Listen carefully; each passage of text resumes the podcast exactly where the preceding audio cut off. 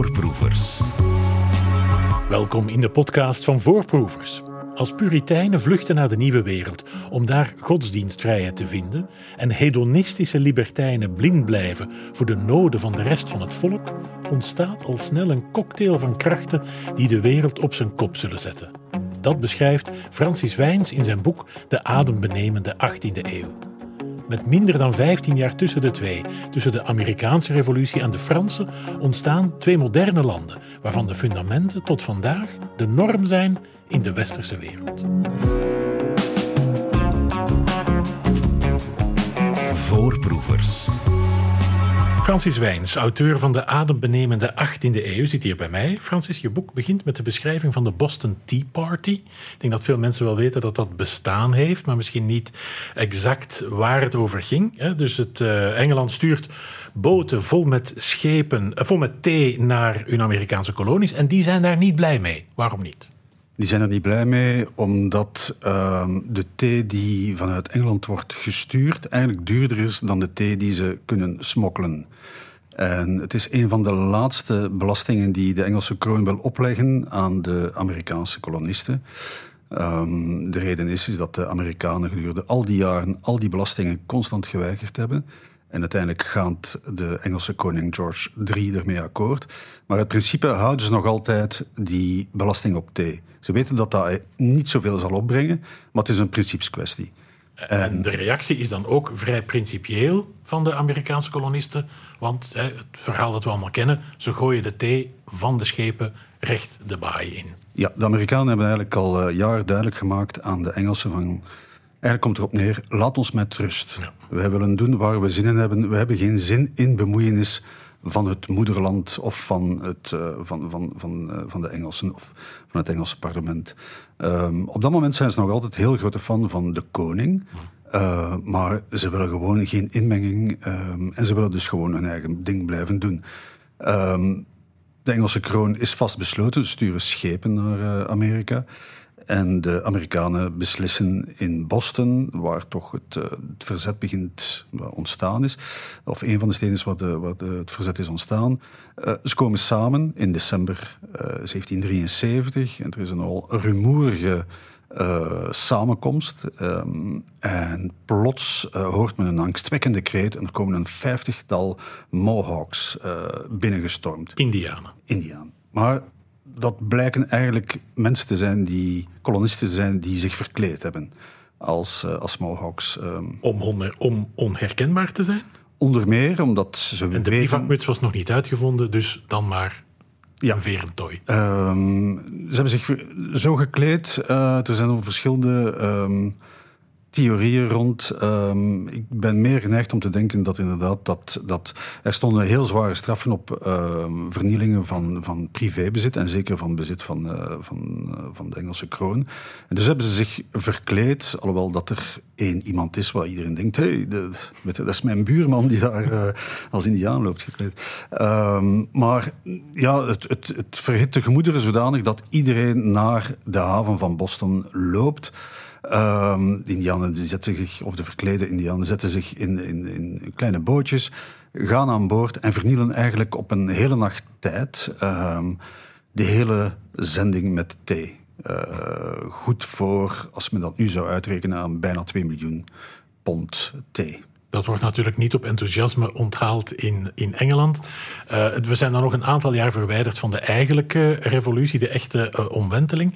Laten we toch misschien eens even kijken, wie waren die, Amer die Amerikaanse kolonisten? Op, het, op het vrijheidsbeeld staat, give me your tired, huddled masses and poor. Ik weet niet hoe dat exact klinkt, maar het gaat, het gaat erover dat op dat moment in Amerika iedereen welkom is die overal anders niet welkom is. Is, is dat een juiste omschrijving? Ja, het is, het is een, in de 18e eeuw is Amerika een lappendeken. Mm. Um, een groot deel van Amerika, van Noord-Amerika, is nog niet ontgonnen. Het is, uh, de, de, de, kolonisten vestigen zich voornamelijk aan de, aan de oostkust, aan, aan, de, um, aan de zee. Um, een groot deel uh, zijn eigenlijk uh, mensen die nergens nog welkom zijn in, in Europa. Uh, op, op, op het moment dat zij aankomen in Amerika, worden ze daar ook niet plots rijk en welvarend. Nee, nee het, is een, het, is een, het is een heel harde overlevingsstrijd om, om daar te geraken. Ten eerste, ja, ze worden daar naartoe gestuurd um, omwille van... Um, er zijn natuurlijk avonturiers, hè, die, die, die weten van wij gaan daar naartoe en kunnen misschien een toekomst opbouwen. Ze worden daar ook naartoe gelokt eigenlijk. Um, een groot deel van die, van die kolonies zijn ook privé kolonies, uh, die, die eigenlijk door, door, door edelen worden gerund. Uh, ze worden door, door uh, goed, om godsdienstige redenen verhuizen ze. En de pilgrims bijvoorbeeld. Eh, die, die, die, die vluchten uit, uit Engeland, gaan dan in Leiden gaan wonen, maar dat komt daar ook niet echt goed. Dus gaan ze met een aantal schepen, met twee schepen eigenlijk. Francis, nou, ja. hoe kan je als je arm bent die overtocht betalen? je, je, je ja, je, je betaalt eigenlijk, uh, je, je, je wordt eigenlijk als een soort van lijfeigene uh, naar daar gestuurd. Dat wil zeggen dat je een, een, een, overtocht kost ongeveer 9 à 10 maanden van jouw loon. Hm. En dan word je daar eigenlijk een, een in dienst genomen, uh, eigenlijk om op de plantages te gaan werken. Um, en je betaalt dat eigenlijk af. Uh, en op een gegeven moment kom je dan ook wel vrij, maar je wordt in, in zeer erbarmelijke omstandigheden daar. Uh, Zoals nu eigenlijk ook nog vaak het geval is met slachtoffers van mensensmokkelaars. Ja, absoluut. Dus echt, heel gelijken. Ja, heel, heel uh, te vergelijken. maar, maar het is, het is zeker die eerste kolonisten die daar arriveren, die ja, de meeste sterven ook. De meesten hebben ook uh, bouwen een, een, een, nederzettingen ook niet echt altijd op de juiste plaats. Aan een moeras waarbij dan door malaria allemaal worden uh, uh, gedood enzovoort. Dus het is, het is, een, het is een heel harde strijd.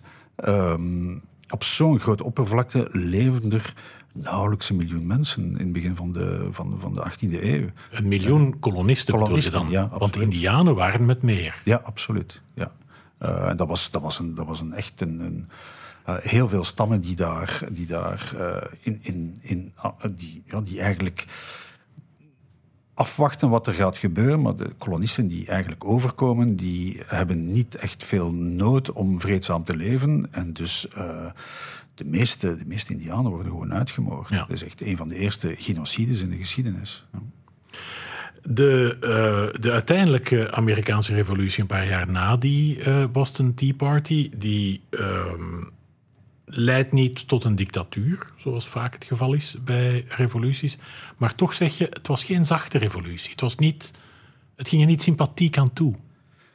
Wel, er wordt altijd gekeken naar. Of er wordt, sommige historici beweren dat de Amerikaanse revolutie eigenlijk geen revolutie is, omdat er ja, niet zoveel geweld werd gebruikt, dat er geen klassenstrijd was. Uh, terwijl men dan wel zegt van, van de Franse revolutie. Maar als je kijkt wat er in de Amerikaanse revolutie gebeurt, ja, het was geen walk in the park. Ik bedoel, er, werd, uh, er werd gemoord, er, werd, uh, er werden mensen uit hun huizen gezet, de huizen werden vernield. zoals je dat nog altijd kunt zien in de strips van Lucky Luke trouwens, werden mensen echt met pek en veren bestreken. Daar is dat, bij Lucky Luke is dat een mopje, hè?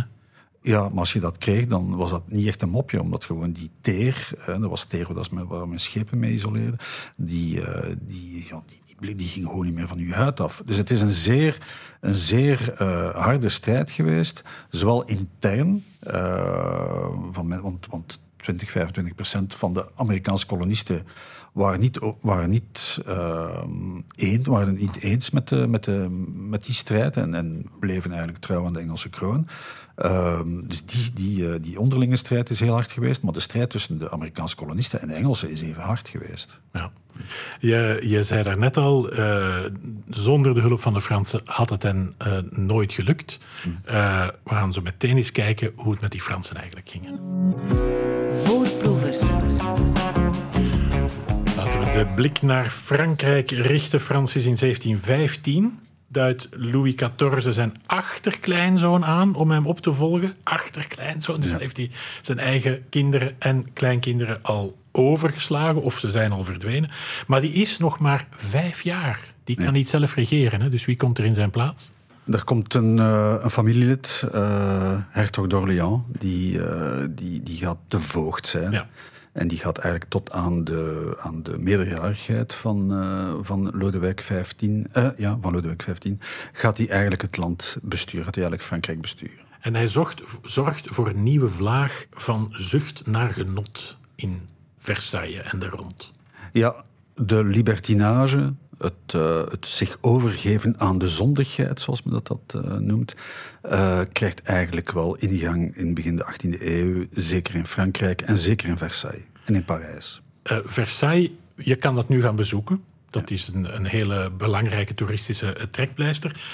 Ook toen was dat niet super exclusief. Wie kon daar allemaal binnen? Iedereen kon daar binnen, tenzij je een bedelaar was. Dus je, je, je, je kon daar naartoe. Uh, de koning was een publiek figuur. Uh, dus je kon eigenlijk daar naartoe gaan. Je moest dan aan de ingang kon je een hoed huren. Uh, en, en een... Want een hoed heb je wel nodig. Dat ja, is het onderscheid tussen een bedelaar ja. en een niet-bedelaar. En dan, uh, en dan kon je binnen, dan kon je eigenlijk door de gangen dwalen en u gaan vergapen eigenlijk aan de hofadel die daar woonde. Was dat een prettige plek om te wonen? Zou jij of ik daar willen wonen? De verhaal die ik gelezen heb, ik heb toch wel een aantal boeken gelezen over eh, hoe het was om in Versailles te wonen. Ik ben er een enkele jaren geleden naartoe geweest en toen was dat een heel aangename plek. Maar het is een beetje zoals je naar Versailles nu gaat met allerlei toeristen die je eigenlijk niet altijd wil zien. Of uh, je moet je altijd gaan, uh, of je wordt daar verdrongen door, door allerlei toeristen. In, in de 18e eeuw was dat net hetzelfde eigenlijk. Dus het was een heel exclusieve plek. Maar um, het was ook een, een heel dure plek om te wonen. En de adel was eigenlijk ondergeschikt aan de etiketten die de koning had uitgevaardigd. En dus was het toch wel voortdurend op de tippen van je tenen lopen om aan alle plichtplegingen te kunnen voldoen. Uh, laten we het eens over die Lodewijk XV hebben als hij uiteindelijk uh, volwassen is en zelf de, de macht mag overnemen. Je, je beschrijft een bijzonder vermakelijke episode als hij uh, in 1744 denkt te sterven, denkt te zullen sterven en zijn biechtvader laat komen. Die biecht wordt vervolgens publiek gemaakt. Ja, Lodewijk XV die ehm, Zeker na, nadat hij de, de, de heerschappij of de, de, het voogdijschap uh, van, van, uh, van de hertog van d'Orléans heeft, ja, heeft overgenomen, ja. bij wijze van het spreken te zeggen. Uh, ja, hertog d'Orléans heeft eigenlijk Frankrijk bijna aan de rand van bankroet ge, gebracht. Uh, Lodewijk XV wordt eigenlijk met open armen ontvangen. Ehm, maar ehm, tijdens de Oostenrijkse successieoorlog gaat uh, Frankrijk uh, meevechten met de Pruisen tegen Oostenrijk. Lodewijk XV gaat mee, voert zijn leger aan, maar wordt in Metz uh, zeer, zeer ziek. Uh, heel ernstig ziek en men denkt eigenlijk dat zijn laatste uur is geslagen. Zijn zoon... Niet zijn... gewond op het slagveld verhaal, nee, helemaal niet. Het is nee. gewoon een ziekte. Ja, zijn vrouw wordt uh, overgebracht en, en ja, men denkt van ja, we gaan hem de laatste, laatste sacramenten toe, toedienen. En dus komt er een biechtvader, maar het is, een biechtvader is eigenlijk een, een, een, een politieke tegenstander van de koning. En uh, de koning biecht al zijn zonden op. En de koning is zeer, zeer libertijns geweest. Heeft heel veel relaties gehad, heel veel uh, overspel gepleegd. En heeft onder meer uh, met, met, met een, een, een minnares, maar ook met haar drie zussen een relatie gehad, de een na de andere. Dus hij heeft eigenlijk met, met die hele, met die hele familie ongeveer een, relatie gehad. En, maar wat doet die, wat doet die bischop, die, die, wat doet die biechtvader? Die stuurt dat rond in Frankrijk en enkele weken later wordt er eigenlijk op, de, op zondag, eigenlijk in al die kerken, wordt eigenlijk de biecht van Lodewijk XV uh, voorgelezen. En dan vraag ik mij af, ja, het is tenslotte de koning, de absolute vorst, die mag alles? Of zijn dat soort details toch net iets te pittig om nog door iedereen aanvaard te worden? Wel, ja, iedereen zit natuurlijk met rode oren te luisteren, want de koning die ja, die toch wel uh, Le Bien-Aimé, uh, Louis, ja, die, die, uh, dat is toch wel zeer, zeer... ja, men, men, kan dat eigenlijk niet echt vatten. En, ehm, maar wat nog erger, wat erger is eigenlijk, alhoewel een beetje raar om te zeggen wat erger is, want hij, hij blijft leven. hij sterft niet. Ehm, dus, dus ja, de koning is volledig, ja, zijn, zijn imago is volledig naar de vaantjes eigenlijk. Ehm, het gekke is dat... dat zijn imago naar de vaantjes is. Mm -hmm. Maar tegelijkertijd bestond er toch een cultuur van het hebben van een maîtresse te aanvaarden. Er is een soort. Het, Madame de Pompadour is een aanvaarde en, en maîtresse. Iedereen weet dat ze er is en heeft zelfs macht. Ja, dat klopt. Uh, maar de maîtresses worden vooral door de rijken uh, onderhouden. Ja. Ehm, en twee, uh, het feit dat, dat Lodewijk XV niet alleen met, met die ene minnares, maar ook nog met al haar zussen een relatie Ja. heeft gehad, dat is er, uh, c'est un peu trop. Voilà. Het is erover. Ja. Uh, nu, um, na het overlijden van Madame de Pompadour komt er de officiële maîtresse, zal ik maar zeggen, van Lodewijk XV, wordt vervangen door een andere vrouw, Jeanne Bécu. Wat voor iemand is dat? Jeanne Bécu is, is eigenlijk een, een, meisje van, van, van eenvoudige komaf, die, die naar Parijs verhuist met haar moeder, die eigenlijk in de prostitutie terechtkomt uh, en die, uh, als ze nog, uh, nog geen 15 jaar is, eigenlijk als uh, jonge prostituee aan uh, Lodewijk XV wordt aangeboden. Uh, aangeboden. En Lodewijk XV die heeft, een, heeft een heilige schrik om een geslachtsziekte op te lopen. Dus hij wil enkel jonge maagden bij hem krijgen. En hij heeft een, daar een, die uh, Le Petite Maîtresse. het is eigenlijk zijn, zijn, zijn, zijn, zijn eerste lakij eigenlijk, die, die, die meisjes gaat zoeken. Uh, hij heeft een klein gebouwtje in Parc Auxerre, waar, waar hij eigenlijk voortdurend uh, ja, uh, zijn, zijn lusten botviert. Ja. En, uh, en Jean Bicu is eigenlijk uh, iemand waar hij verliefd op wordt. Hij wordt eigenlijk wordt zo zot als een achterdeur eigenlijk van, van, van dat meisje. Het enige probleem is, zij is niet van adel. Dus zij kan niet als de officiële favoriet in Versailles geïntroduceerd worden zij heeft een pooier, uh, Jean Dubarry. En die, uh, die is van adel. Het probleem is dat hij getrouwd, heeft en hij is, hij getrouwd is en hij heeft kinderen. Dus wat, uh, wat wil Dubarry doen? Hij wil absoluut zijn, een van zijn ja, protégé. protégés, ja. eigenlijk in Versailles introduceren. Hij heeft nog een broer, dus hij laat die broer overkomen. Ze trouwen. en dus wordt... De broer van de pooier trouwt ja. met het meisje dat eigenlijk de maîtresse van de koning is. Voilà. En, uh... Je moet eigenlijk een, een whiteboard uh, bijhouden uh, met de verschillende relaties. Ja, en dus zij wordt de, de, de Madame du Barry. Ja. Madame du Barry, die, die minstens 20 jaar jonger is dan, dan Lodewijk XV. Maar hij is de koning die heel depressief was. Hè. Le roi s'ennuie, verveelt zich ja, sinds uh, plots uh, als, als Madame du Barry uiteindelijk officieel kan uh, voorgesteld worden in Versailles, hij, hij herleeft eigenlijk opnieuw. En in zijn oude dagen vindt hij de liefde bij Madame du Barry. Ja. net als zijn overgrootvader Lodewijk XIV moet ook Lodewijk XV nadenken over zijn opvolging. En ook bij hem loopt dat niet van een leien dakje. Waar zijn zijn kinderen heen? Dat het niet gewoon de oudste zoon kan zijn, zoals de bedoeling is? Zijn oudste zoon sterft. Hmm, uh, en dan uh, de, zijn oudste kleinzoon sterft ook. Uh, en in Frankrijk is de Salische wet van, van invoegen. Dus kan alleen mannen. Alleen mannen mogen, uh, mogen de troonopvolger zijn. En dus komt de, de, de troonopvolging bij, bij uh, de Duc de Berry te liggen. De tweede, de jongere broer eigenlijk. Mm. En die, die is daar helemaal niet op voorbereid. Uh, Lodewijk XV doet ook geen enkele moeite om, om, om zijn kleinzoon eigenlijk voor te bereiden op het koningschap. Uh, heeft dat ook niet gedaan met zijn zoon trouwens. En, er is een, iemand in de afhouding die zegt, ja, zijn, zijn kinderen uh, beschouwt hij eigenlijk als een soort van knechten. hij kijkt er niet naar om. en dus op een gegeven moment, ja, in 1774, overlijdt Lodewijk XV aan de pokken. Dus, dat wordt uitvoerig beschreven. En, en, Lodewijk XVI wordt in 1774 eigenlijk de opvolger van zijn grootvader, is daar helemaal niet op voorbereid, is de jongste vorst van Europa en heeft geen enkele ervaring, heeft geen enkele bestuurservaring. En bovendien wordt hij dan nog eens ondergedompeld in een dynastiek spel en wordt uitgehuwelijkt, of aan hem wordt uitgehuwelijkt, de beroemde Marie-Antoinette. Ja, dat klopt. Dus in, in 1756, uh, even teruggaan in de tijd, in 1756 is er een, uh, het begin, de start van de Zevenjarige Oorlog. Um, die oorlog die heeft er, of, of ja, in, in die oorlog hebben eigenlijk Oostenrijk en Frankrijk een verbond gesmeed. Dat was nog nooit gebeurd. Een want- tegennatuurlijk verbond eigenlijk in het ja, Europa. Ze zijn, tijd, altijd, ze zijn altijd echt vijanden geweest. Maar toch, Maria Theresia, die, die, die 16 kinderen had, uiteindelijk zijn er 13 van blijven leven.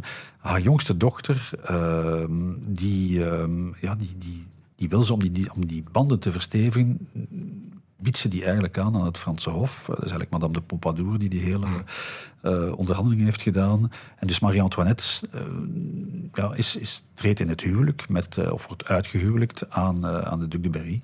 Ehm, en, en zij, ja, zij, zij heeft eigenlijk als taak om zo snel mogelijk voor een troonopvolging te zorgen. Sowieso de taak van koninginnen. Maar in hun geval, piepjong allebei.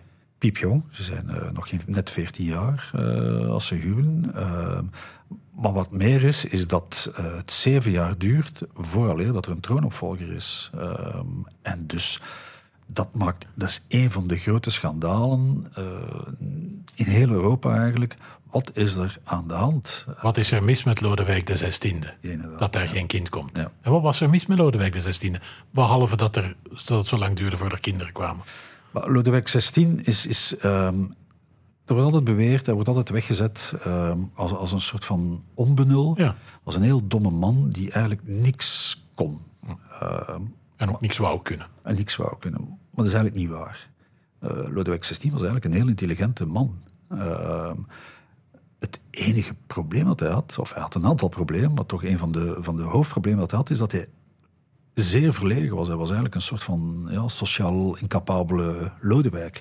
Ehm, dus dus ehm, hij was heel bijziend. Hè, eh, maar koningen mochten geen brillen dragen. Dat was eh, beneden een waardigheid.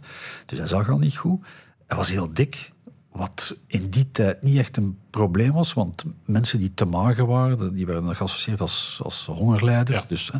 Maar hij, bon, hij was ook niet de beste danser. Hè. Er is een, eh, een, een, Oostenrijkse ambassadeur die, die zijn beklag doet aan Maria Theresa. Die zegt van, ja, maar de man kan gewoon niet dansen. Die huppelt waar rond, volledig tegen de maat.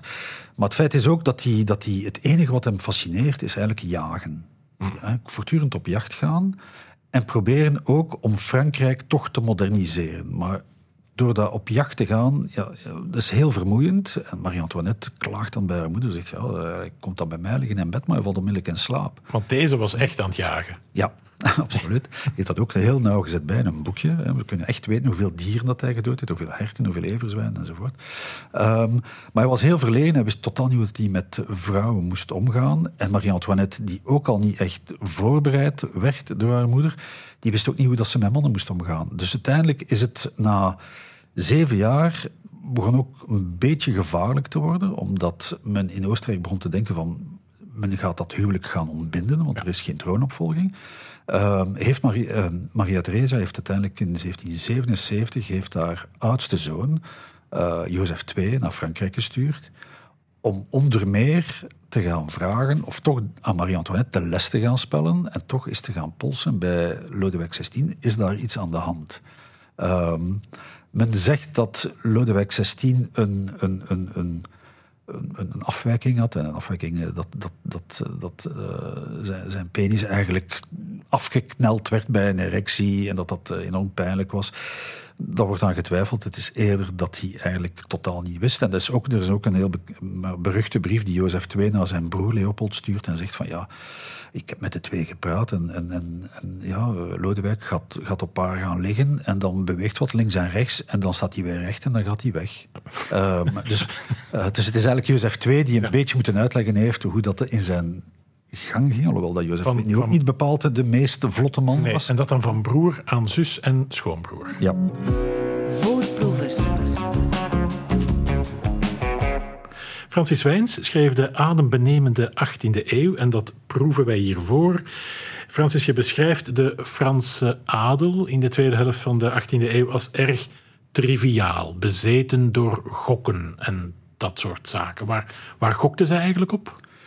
Ze hadden eh, een heel. Ja, ze, ze, ze, een aantal moet ik zeggen, gokspellen die nu niet meer gespeeld worden, behalve denk ik TrickTack nog. Uh, de rest hadden ze een Biribi bijvoorbeeld. Uh, ze, zij gokten eigenlijk, uh, ze speelden kaart. Ze, ze, onder elkaar? Onder elkaar. Iedereen legde geld in en de winnaar... Er werd enorm veel geld ingelegd. Ehm, als je... Als je als je al die memoires leest, want de 18e eeuw is ook uh, een eeuw waar, waar een overvloed aan memoires uh, wordt gepubliceerd uh, of geschreven. Um, en, en je, je vindt er eigenlijk één constante, namelijk men verveelt zich dood. Men zit daar in Versailles. De adel dan. Ja. dus die hebben niks te doen. Die hebben niks te doen. Die, die, die, ja, die, die zijn eigenlijk nutteloos eigenlijk. Ja. Dus, uh, de, dus, is men in 1789 ook wel achtergekomen. Maar, um, en dus wat doen ze onder meer? Heel veel gokken constant gokken. En zij leggen daar enorme sommen geld in. Er zijn, er zijn leden van adel die werkelijk op een aantal nachten tijd uh, een hele fortuin uh, in rook zien opgaan. Ehm, maar het is wel de kwestie, je kan eigenlijk eh, heel veel geld verliezen, maar je moet doen alsof het, het je niets doet. Uh, Want aan een boom zo vol geladen mist men enkele appels niet. Voilà. En dus uh, zijn er een aantal markiezen en, en graven die zeggen: Ja, wij, wij zijn uh, 1 miljoen pond kwijt, maar nog genoeg. Maar eigenlijk hebben ze niks meer. Hè. Een aantal ook, uh, er is iemand die, die zelfmoord pleegt, die, die, die echt, de, de graaf de Tilly, die, die, die, die weet dat hij echt alles verloren is. Die heeft in Brussel trouwens gehad, die een kogel door zijn kop jagen. Maar men, men gokt op alles nachtenlang. Wat kan je nog doen als je je verveelt, behalve gokken?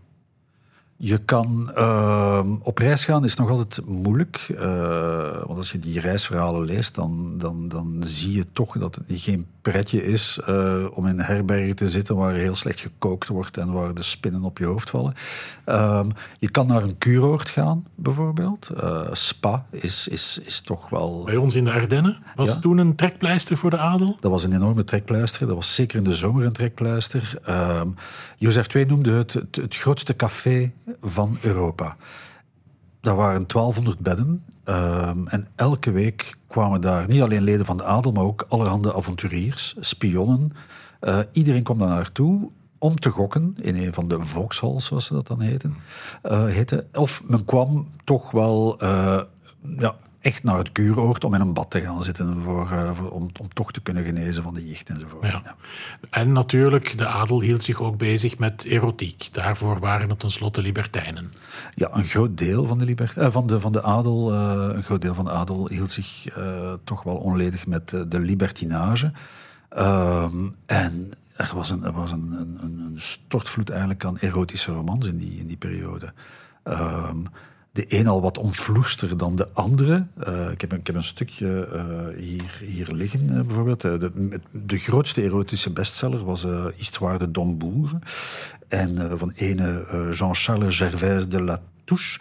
En die, die schrijft een van de scènes bijvoorbeeld... Ah, voorzichtig, mijn lieve Toinette. Doe niet zo snel. Ah, ondeugend meisje. Je laat me sterven van plezier. Ga sneller, sneller. Ah, ik sterf. En zo gaat dat 300 pagina's door. Bestsellers. Ja.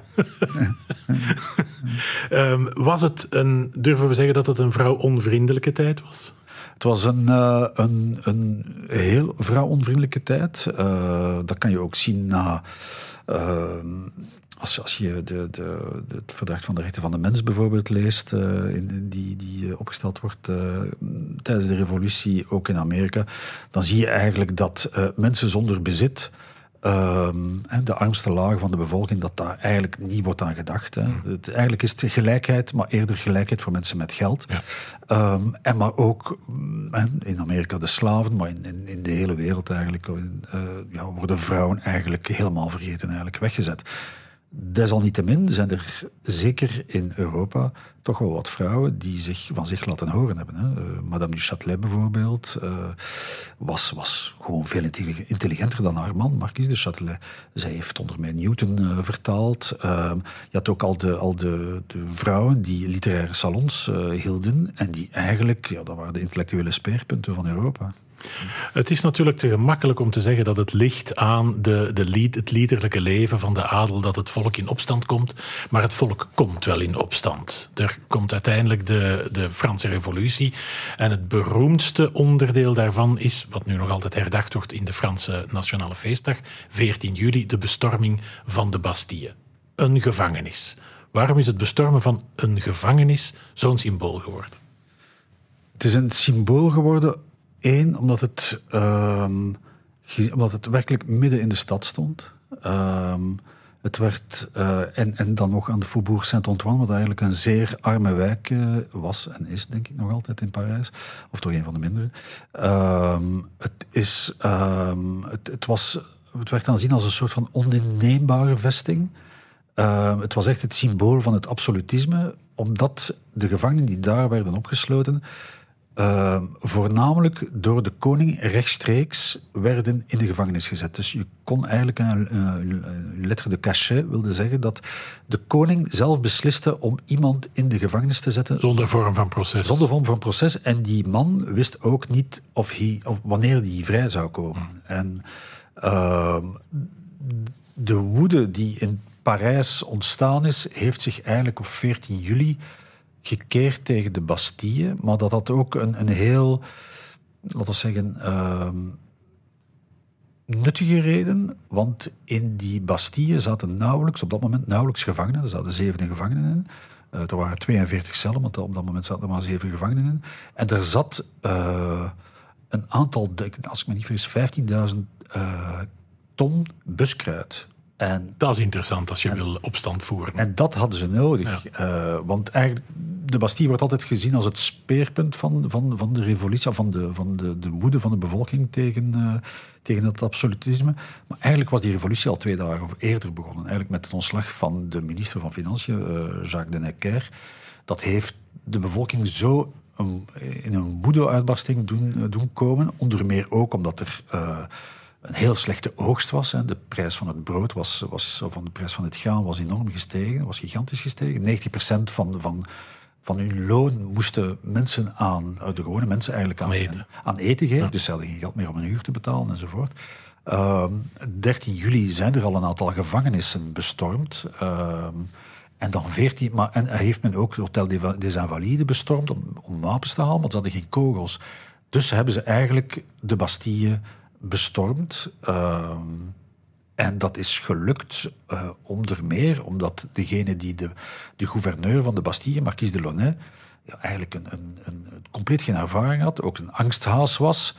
En die heeft op de duur ja, heeft, heeft eigenlijk de poorten opengezet en hij was ook niet chef van een, uh, van een fort, maar van een gevangenis. Ja, het is meer de bedoeling om de mensen binnen te houden dan anderen buiten.